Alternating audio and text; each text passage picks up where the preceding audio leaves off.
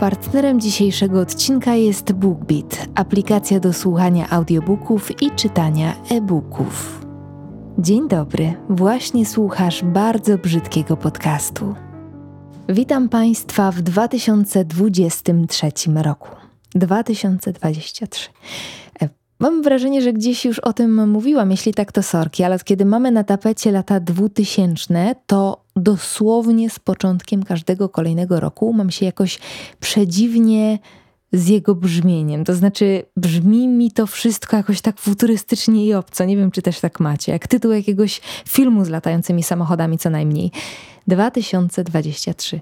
Dziwnie, ale pewnie się przyzwyczaję. Niemniej tak, mamy kolejny rok, więc y, wypadałoby nagrać klasyczny odcinek noworoczny, taki wiecie, z postanowieniami, z planami, ale hej, znacie mnie.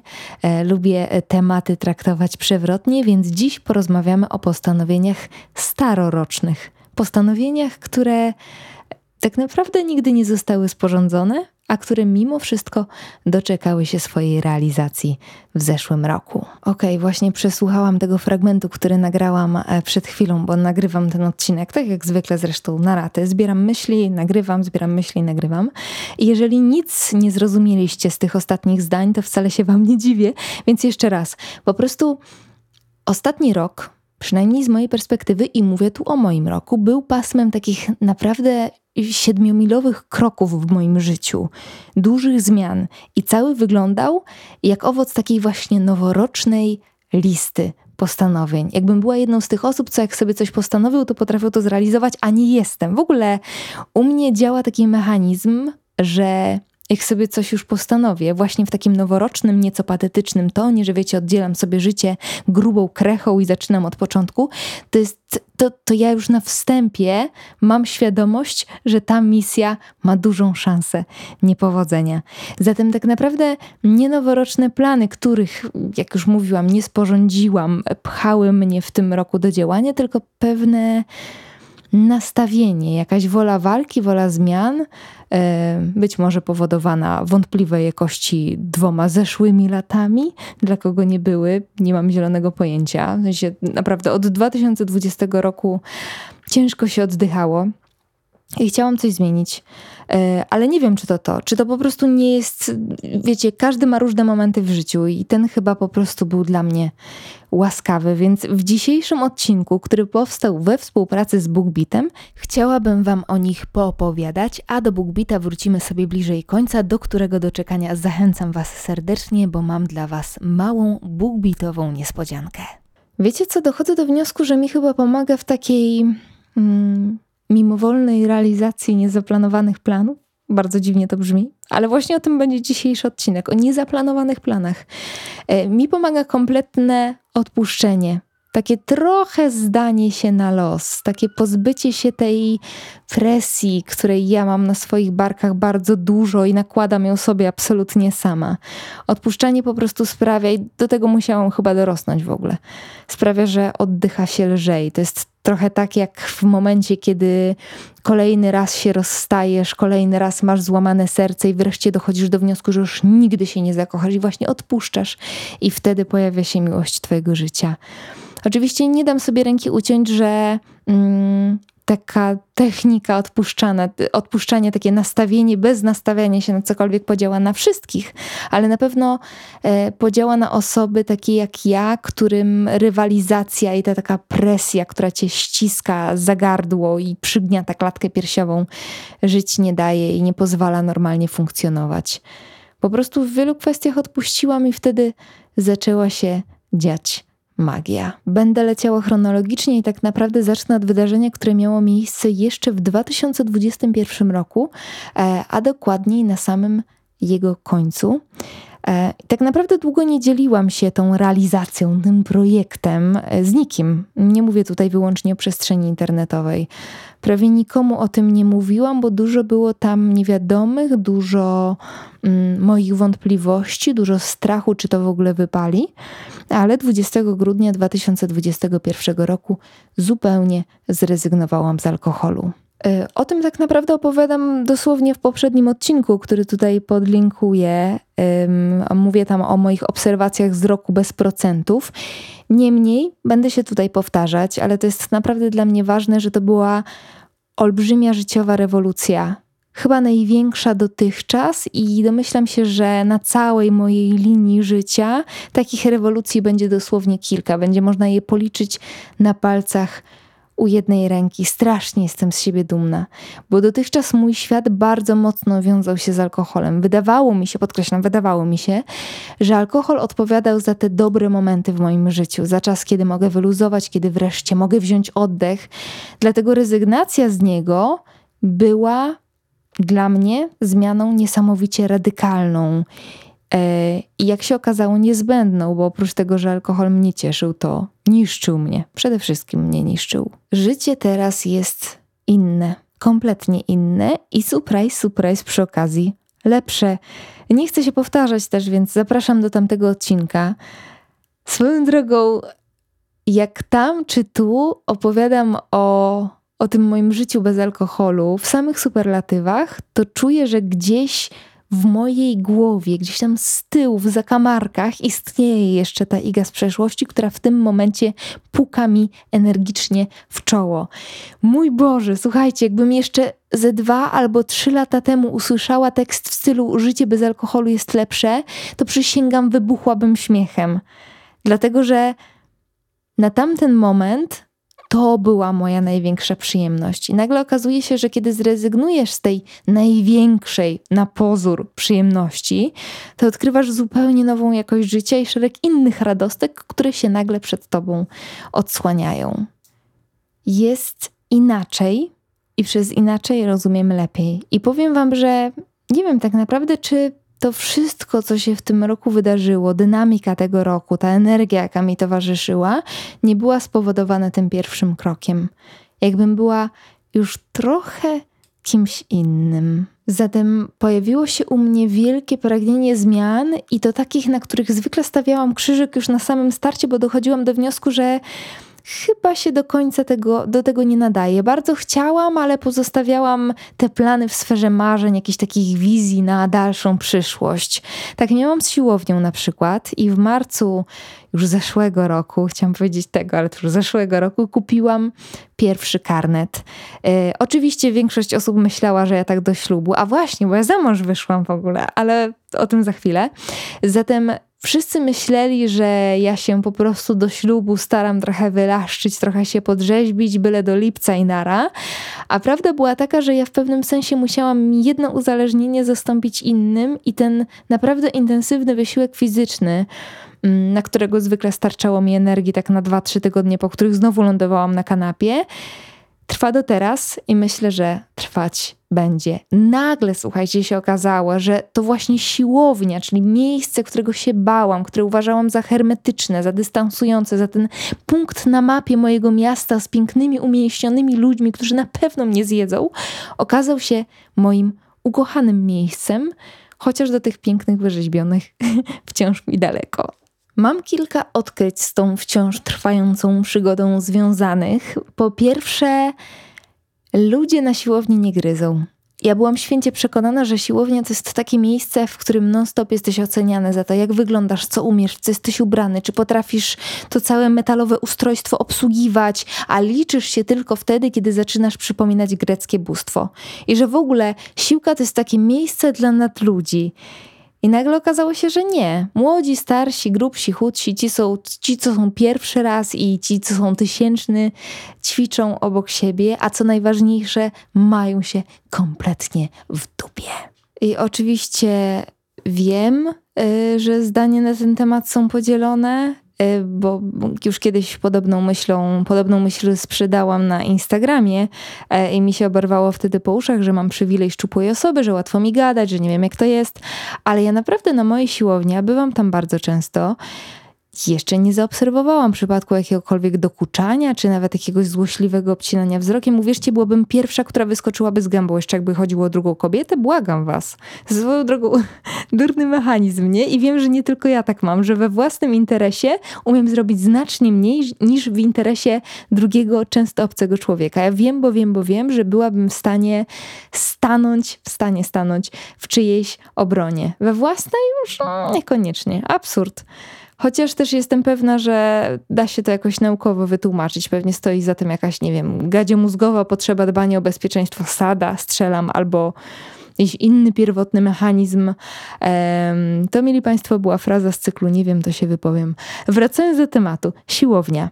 E, albo dobra, moja siłownia, bo zaraz będzie, że uogólniam. Moja siłownia jest miejscem, w którym czuję się bardzo bezpiecznie. I tak naprawdę nie chodzi tylko i wyłącznie o brak jakiegoś mm, właśnie dokuczania czy zagrożenia ze strony otoczenia, ale też czuję się znacznie pewniej z moim wewnętrznym bałaganem. Jak już podkreślałam tutaj nie raz i nie dwa, jestem osobą, która bardzo, bardzo, niemal jak tlenu, potrzebuje konkretnego planu, e, rutyny, znajomych miejsc, zdarzeń ludzi, zero niespodzianek. Mówiąc najprościej, e, rutyna daje mi poczucie bezpieczeństwa. Ja wiem, mało sexy to brzmi, popkultura ceni sobie spontaniczność i przygodę, e, ale już się chyba pogodziłam z tym, że main hero nigdy nie zostanę. Zatem Siłownia jest niczym innym jak bardzo określoną przestrzenią, do której idę o bardzo określonych porach, wykonuję bardzo określone czynności, rozmawiam z bardzo określonymi ludźmi. Moi neuratypowi przyjaciele, czy to nie brzmi jak raj? I to jest chyba w ogóle klub programu. E, już pal licho ten cały wysiłek fizyczny, znaczy pal licho, nie pal licho, bo on jest bardzo ważny i daje mi dużo również na poziomie psychicznym, o fizycznym nie wspominając, ale ta siłowniowa siłowniowa czy siłowniana, e, nieważne, rutyna i rytm to jest moja największa radość. Bardzo to lubię i w ten sposób, zupełnie bez planu, bez pisania na kartce klasycznego, w roku 2022 zacznę chodzić na siłownię. Zaczęłam. Nie planowałam, zaczęłam i co najważniejsze, wytrwałam w tym postanowieniu, które tak naprawdę nigdy nie istniało. No dobra, dobra, wiem na co teraz czekacie. Czekacie aż powiem, w 2022 wyszłam za mąż. I to akurat była rzecz zaplanowana w 100%, chociaż bynajmniej nie zapisana na liście postanowień noworocznych. Jakbym miała już pisać jakieś postanowienie z tą imprezą związane, to chyba napisałabym nie zabić mojego przyszłego męża, bo bywało naprawdę ciężko. Swoją drogą teraz się zastanawiam, czy ja nagrałam odcinek bardzo brzydkiego podcastu już post factum o tej całej imprezie i chyba nie w rezultacie. Nagrywałam stories, co na pewno, e, ale podcastu chyba nie. I, no i dobra, no i starczy. Mniej więcej te same osoby, co mnie słuchają tutaj, też są na moim Instagramie, więc mam nadzieję i przypuszczam, że temat nie jest Wam obcy. Zatem cóż, no wydarzyło się. Mieliśmy dosłownie taki ślub, jaki sobie wymarzyliśmy i niewątpliwie był to highlight tego roku, znaczy minionego roku. Niemniej, mm, i może nie zabrzmi to najlepiej, ale jakby mnie ktoś zapytał, to czy, czy chciałabym to powtórzyć, to chyba nie. To znaczy, zakładamy oczywiście najlepszy scenariusz, że nie będę musiała tego powtarzać ze względu na stałość naszych uczuć, e, ale mi chodzi bardziej o samą część organizacyjną, o nakład pracy, kosztów, stres itd., tak itd. Tak Chyba bym podziękowała. Mówię o tym dlatego, że przypomniało mi się, i to była wiadomość, która się kilka razy w ogóle powtarzała przy okazji jakichś tam moich ślubnych rozkminek, żebym się nacieszyła samym procesem, samą organizacją, planowaniem, bo to jest najprzyjemniejsze i że jakby adresatka tej parafrazowanej przeze mnie wiadomości mogła, to bez wahania zorganizowałaby sobie kolejny ślub. No ja nie. Okazało się chyba, że w ogóle branża ślubna to nie jest do końca moja bajka. Nie do końca mnie to rajcuje, niemniej było jak z bajki dzięki całemu zespołowi fantastycznych podwykonawców. Chociaż też powiem Wam szczerze, że nie mogę stwierdzić, że się na własnym weselu wybawiłam ze wszystkie czasy. Nawet rozmawiałam o tym z kilkoma innymi świeżo upieczonymi żonami, żeby jakoś porównać obserwacje i dochodzę do wniosku, że właśnie tu swoje potwierdzenie ma to słynne ślub nie jest dla was, tylko dla gości. W tej frazie, przynajmniej według mnie, nie chodzi o to, że musisz puścić disco polo, bo wujek Władek i ciocia Krysia kochają, jesteś szalona, tylko że ta noc przelatuje ci bardzo szybko patrzysz na nią jak na film w przyspieszonym tempie, do tego pocięty różnymi etapami, które jeszcze dodatkowo ten proces przyspieszają. Tak wiecie, od obiadu do tańca, od tańca do kolacji, od kolacji do tortu, od tortu do podziękowań. Oczywiście tutaj kolejność jest absolutnie randomowa, bo każda para ma jakąś tam własną. Yy, I ja tak naprawdę przysłowiowe y, wrotki odpięłam dopiero chyba po godzinie drugiej, i, I od razu też zaznaczam, to nie jest tak, że księżniczka będzie sobie marudzić, że źle się bawiła ja się świetnie bawiłam, tylko było bardzo szybko, a moja uwaga była bardziej przeniesiona na gości, na chodzenie od stołu do, do stołu, niż y, na analizie jakichś własnych uczuć czy emocji. To się już wydarzyło po wszystkim, na drugi dzień. Wtedy dopiero się powzruszałam. I to w ogóle było super zabawne, bo dla mnie najbardziej wzruszającym momentem całego ślubu i wesela było czytanie liścików z kopert i wpisów do księgi gości już na drugi dzień. Dopiero wtedy nagle mnie do jakby mi wiecie, pierdolnęło. Zalała mnie taka fala miłości, uświadomiłam sobie, ile tak naprawdę mamy wokół siebie osób, które nas kochają. Nawet teraz mam e, ścisk w gardle. O, no, no tak, no, no jestem żoną i to również wydarzyło się w 2022 roku. Kolejnym krokiem milowym była moja diagnoza ADHD, która była dla mnie wielkim odkryciem. I chyba w ogóle zacznę od tego, że ja bym w życiu, powtarzam, w życiu nie powiedziała, że mam ADHD. Wszystko tylko nie to. Bo mi się to, wiecie, kojarzyło zawsze z niegrzecznymi dzieciakami, z nieodpowiednim zachowaniem, które cały czas krzyczały i biegały po klasie, a ja przecież taka nie byłam. Ja miałam zawsze wzorowe i byłam taka, wiecie, stonowana. Poza tym kojarzyło mi się to też już w dorosłym życiu mm, z, taką, z takim z lekka przeromantyzowanym ekstrawertyzmem, przeromantyzowanym z mojej strony, bo ja zawsze e, tego ludziom zazdroszczę, tej otwartości, z jakąś taką przebojowością, taką osobą, która, której wszędzie pełno, która nie umie na miejscu siedzieć, cały czas pakuje się w jakieś nowe sytuacje, w nowe przygody, o których później opowiada zasłuchanej grupie znajomych. A jestem po prostu fight łapą.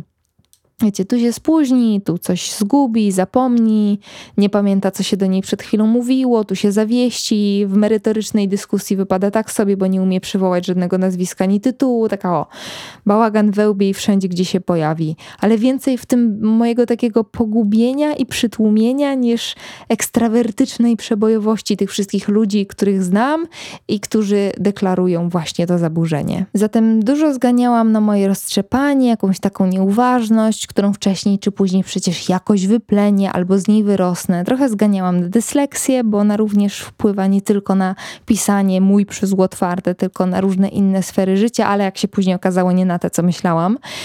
Jakoś to wszystko próbowałam sobie tłumaczyć, ale w taki szkodliwy y, dla mojego samopoczucia sposób, że po prostu jestem jaka jestem, no jestem niewydarzona. I teraz znowu chce mi się płakać, ale tym razem nie, nie ze wzruszenia. Wracając do diagnozy, to nie, nie zdiagnozowałam się TikTokiem, bo ostatnio popularne jest to, że ludzie w pewnym momencie lądują w tej części internetu, która podrzuca im pewne sugestie i łapią się na tym, że może to to, ale nie, to, to nie u mnie w ogóle. Mi się wydawało, że, że przecież mnie to nie dotyczy. Mm, zasugerowała mi to dopiero moja przyjaciółka, której była sympatia ADHD posiada. I zawsze opisywała tego kolesia jako moją męską wersję. Swoją drogą nigdy się nie spotkaliśmy. Ciekawe, co by było. Może wszechświat by wybuchł. Kto wie, kto wie. Niemniej y, gość mnie przypominał w tych moich dziwactwach, właśnie w tych takich dziwnych momentach, które określałam jako fajtłapowatość i roztrzepanie, a później otrzymał diagnozę. I Klementyna przy jednym z naszych spotkań powiedziała: Ty, a może ty masz ADHD? I ja sobie wtedy pomyślałam, że to jest najbardziej podupcony pomysł, o jakim kiedykolwiek słyszałam, bo ja nie, przecież nie jestem tym niegrzecznym, zwierconym dzieciakiem, hej. No ale jednak gdzieś mi te słowa w głowie utkwiły. Zaczęłam szperać, zaczęłam czytać więcej. Przede wszystkim jak to wygląda u dorosłych, a w szczególności u kobiet, co jest w ogóle super ciekawą sprawą, bo e, przez pewne uwarunkowanie również społeczno-kulturowe, te wszystkie, wiecie, bądź grzeczna, dziewczynkom nie wypada i tak dalej, i tak dalej to zaburzenie objawia się bardzo często w inny sposób niż, niż nam się wydaje na pierwszy rzut oka, jak sobie weźmiemy taki, takie pierwsze skojarzenie związane z ADHD.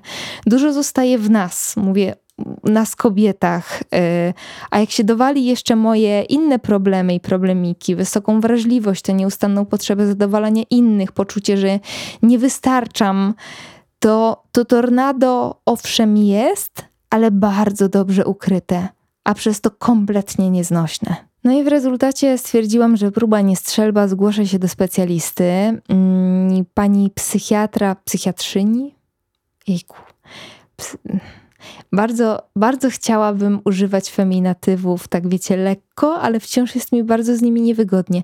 Pani psychiatrzyni wystawiła mi diagnozę po serii spotkań, na których zostałam, zostawały mi zadawane różne pytania, często takie, że miałam ochotę zakrzyknąć, zakrzyknąć a co ma piernik do wiatraka w ogóle, o co tu chodzi? Ale odpowiadałam tak, jak czuję, e, tak jak jest, no i w rezultacie dowiedziałam się, że faktycznie, że mam ADHD. I teraz jest mi trochę lżej, bo po pierwsze ta moja fajtłapowatość zyskała jakieś imię, jakieś miano. Po drugie wiem, że nie jestem z tym sama, co jest dosyć pocieszającą myślą. Po trzecie, co jest chyba najmocniej uderzające, że nie każdy tak ma, bo wydawało mi się, że to jest normalne. No, każdy czasem jest fajt łapowaty. Mm, no ale nie, y, moja głowa działa nieco inaczej. No i po czwarte, z tą całą wiedzą mam jakieś perspektywy działania, żeby ten mój bałagan chociaż trochę uporządkować i żeby żyło mi się lepiej i wygodniej. Co dalej? Nie wiem. Może opowiem Wam za rok. Z takich siedmiomilowych kroków to chyba tyle i aż tyle.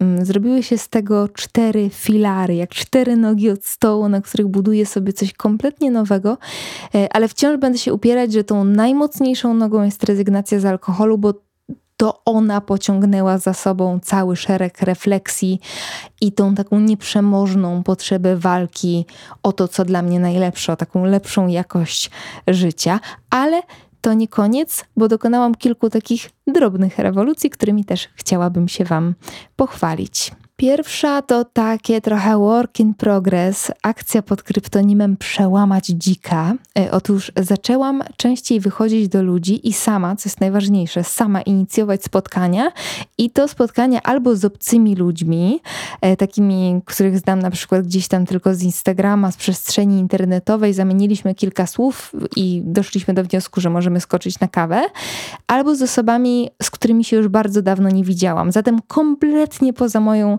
strefą komfortu i bardzo chciałabym teraz powiedzieć, że od tej pory mam mnóstwo nowych znajomych, a interakcje nie stanowiły dla mnie żadnego problemu.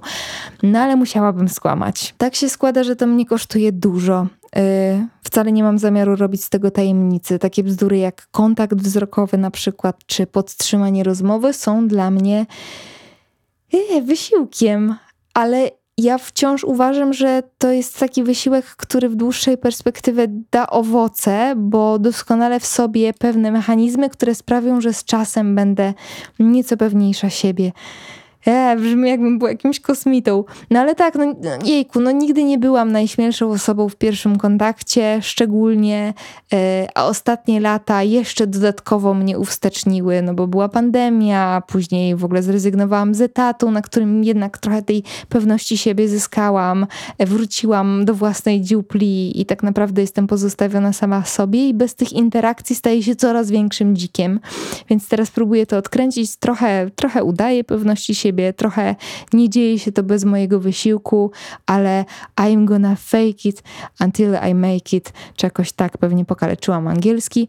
No i ludzi poznaję, od czego w ogóle powinnam zacząć i bardzo mnie e, to odkrywanie tych innych kosmosów cieszy i intryguje, bo lubię ludzi. Trochę się ich boję, ale uwielbiam. Zaczęłam też pisać pamiętnik, raczej dziennik, albo zaczęłam uprawiać mikrojournaling, teraz brzmi modnie, e, bo po prawdzie to nie jest pamiętnik, tylko bardzo, bardzo drobne formy pisane, które zresztą najczęściej sporządzam na telefonie. W pewnym momencie, i tu znowu przypisuję te wszystkie zasługi mojej trzeźwości, moje myśli w przedziwny sposób stały się bardziej klarowne. A może po prostu nie wiem, może po prostu mam więcej czasu do rozmyślania, bo mniej więcej od 20 moja uwaga nie rozpuszcza się w kieliszku wina, nie mam pojęcia. W każdym razie e, urodziła się we mnie potrzeba pisania, więc piszę. To są jakieś moje drobne obserwacje, myśli, wydumane sentencje, czasami zupełnie nieskładne, bez większego zważania na styl czy interpunkcję. Tak na maksa, na maksa spontanicznie, bez żadnej autocenzury. Zapytacie po co to?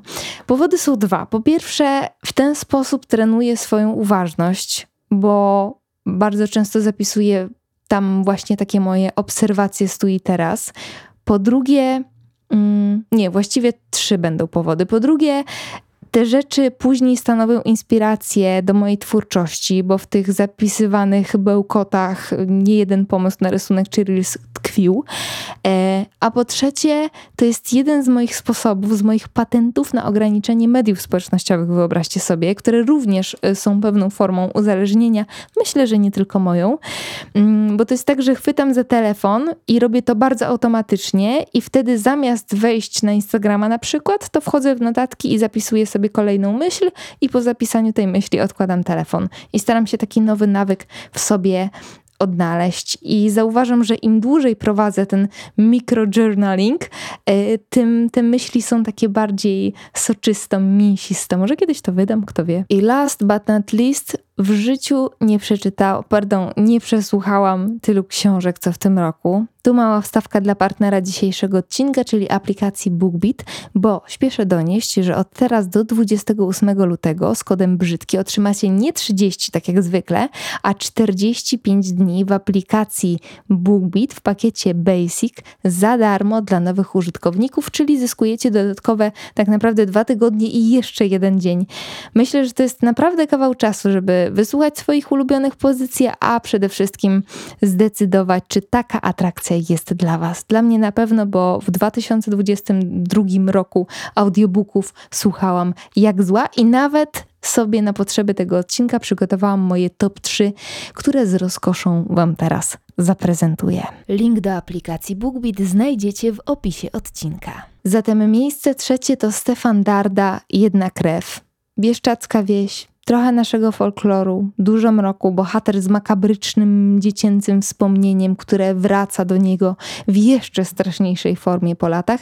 Horror, ale taki całkiem do dźwignięcia przez osoby się bojące. Raczej, raczej taka opowiastka przy ognisku niż koszmar, który wam wiecie w głowie namiesza i zostanie na długo. E, jeśli słuchacie mojego bardzo strasznego podcastu i gustujecie właśnie w tym poziomie strachu i mroku, to wydaje mi się, że w lekturach Dardy zdecydowanie znajdziecie coś dla siebie. Miejsce drugie nie tylko mózg Dominiki Dudek i Marii Mazurek. Super ciekawa lektura o ludzkim mózgu, właśnie jak sama zresztą sam tytuł sugeruje, z punktu widzenia psychiatry, e, ale niech was ten psychiatra absolutnie nie przeraża, bo wszystko zostało przedstawione w sposób totalnie strawny dla laika. Ultra ciekawe informacje wymiksowane z równie ciekawymi anegdotami w takim stopniu, że tak naprawdę ja czułam się bardziej tak, jakbym podsłuchiwała rozmowy dwóch koleżanek na kawie, niż słuchała lekarza e, od głowy. Bardzo ciekawe obserwacje, zupełnie nowe światło rzucane na choroby psychiczne e, i przy okazji dużo momentów do autorefleksji. Polecam serdecznie. I miejsce pierwsze Demony Rosji Witolda Jurasza, e, o których opowiadałam dosłownie w ostatnim odcinku książek, których słucham, czyli takiej serii bookbitowej właśnie, która tutaj w bardzo brzydkim podcaście się pojawia.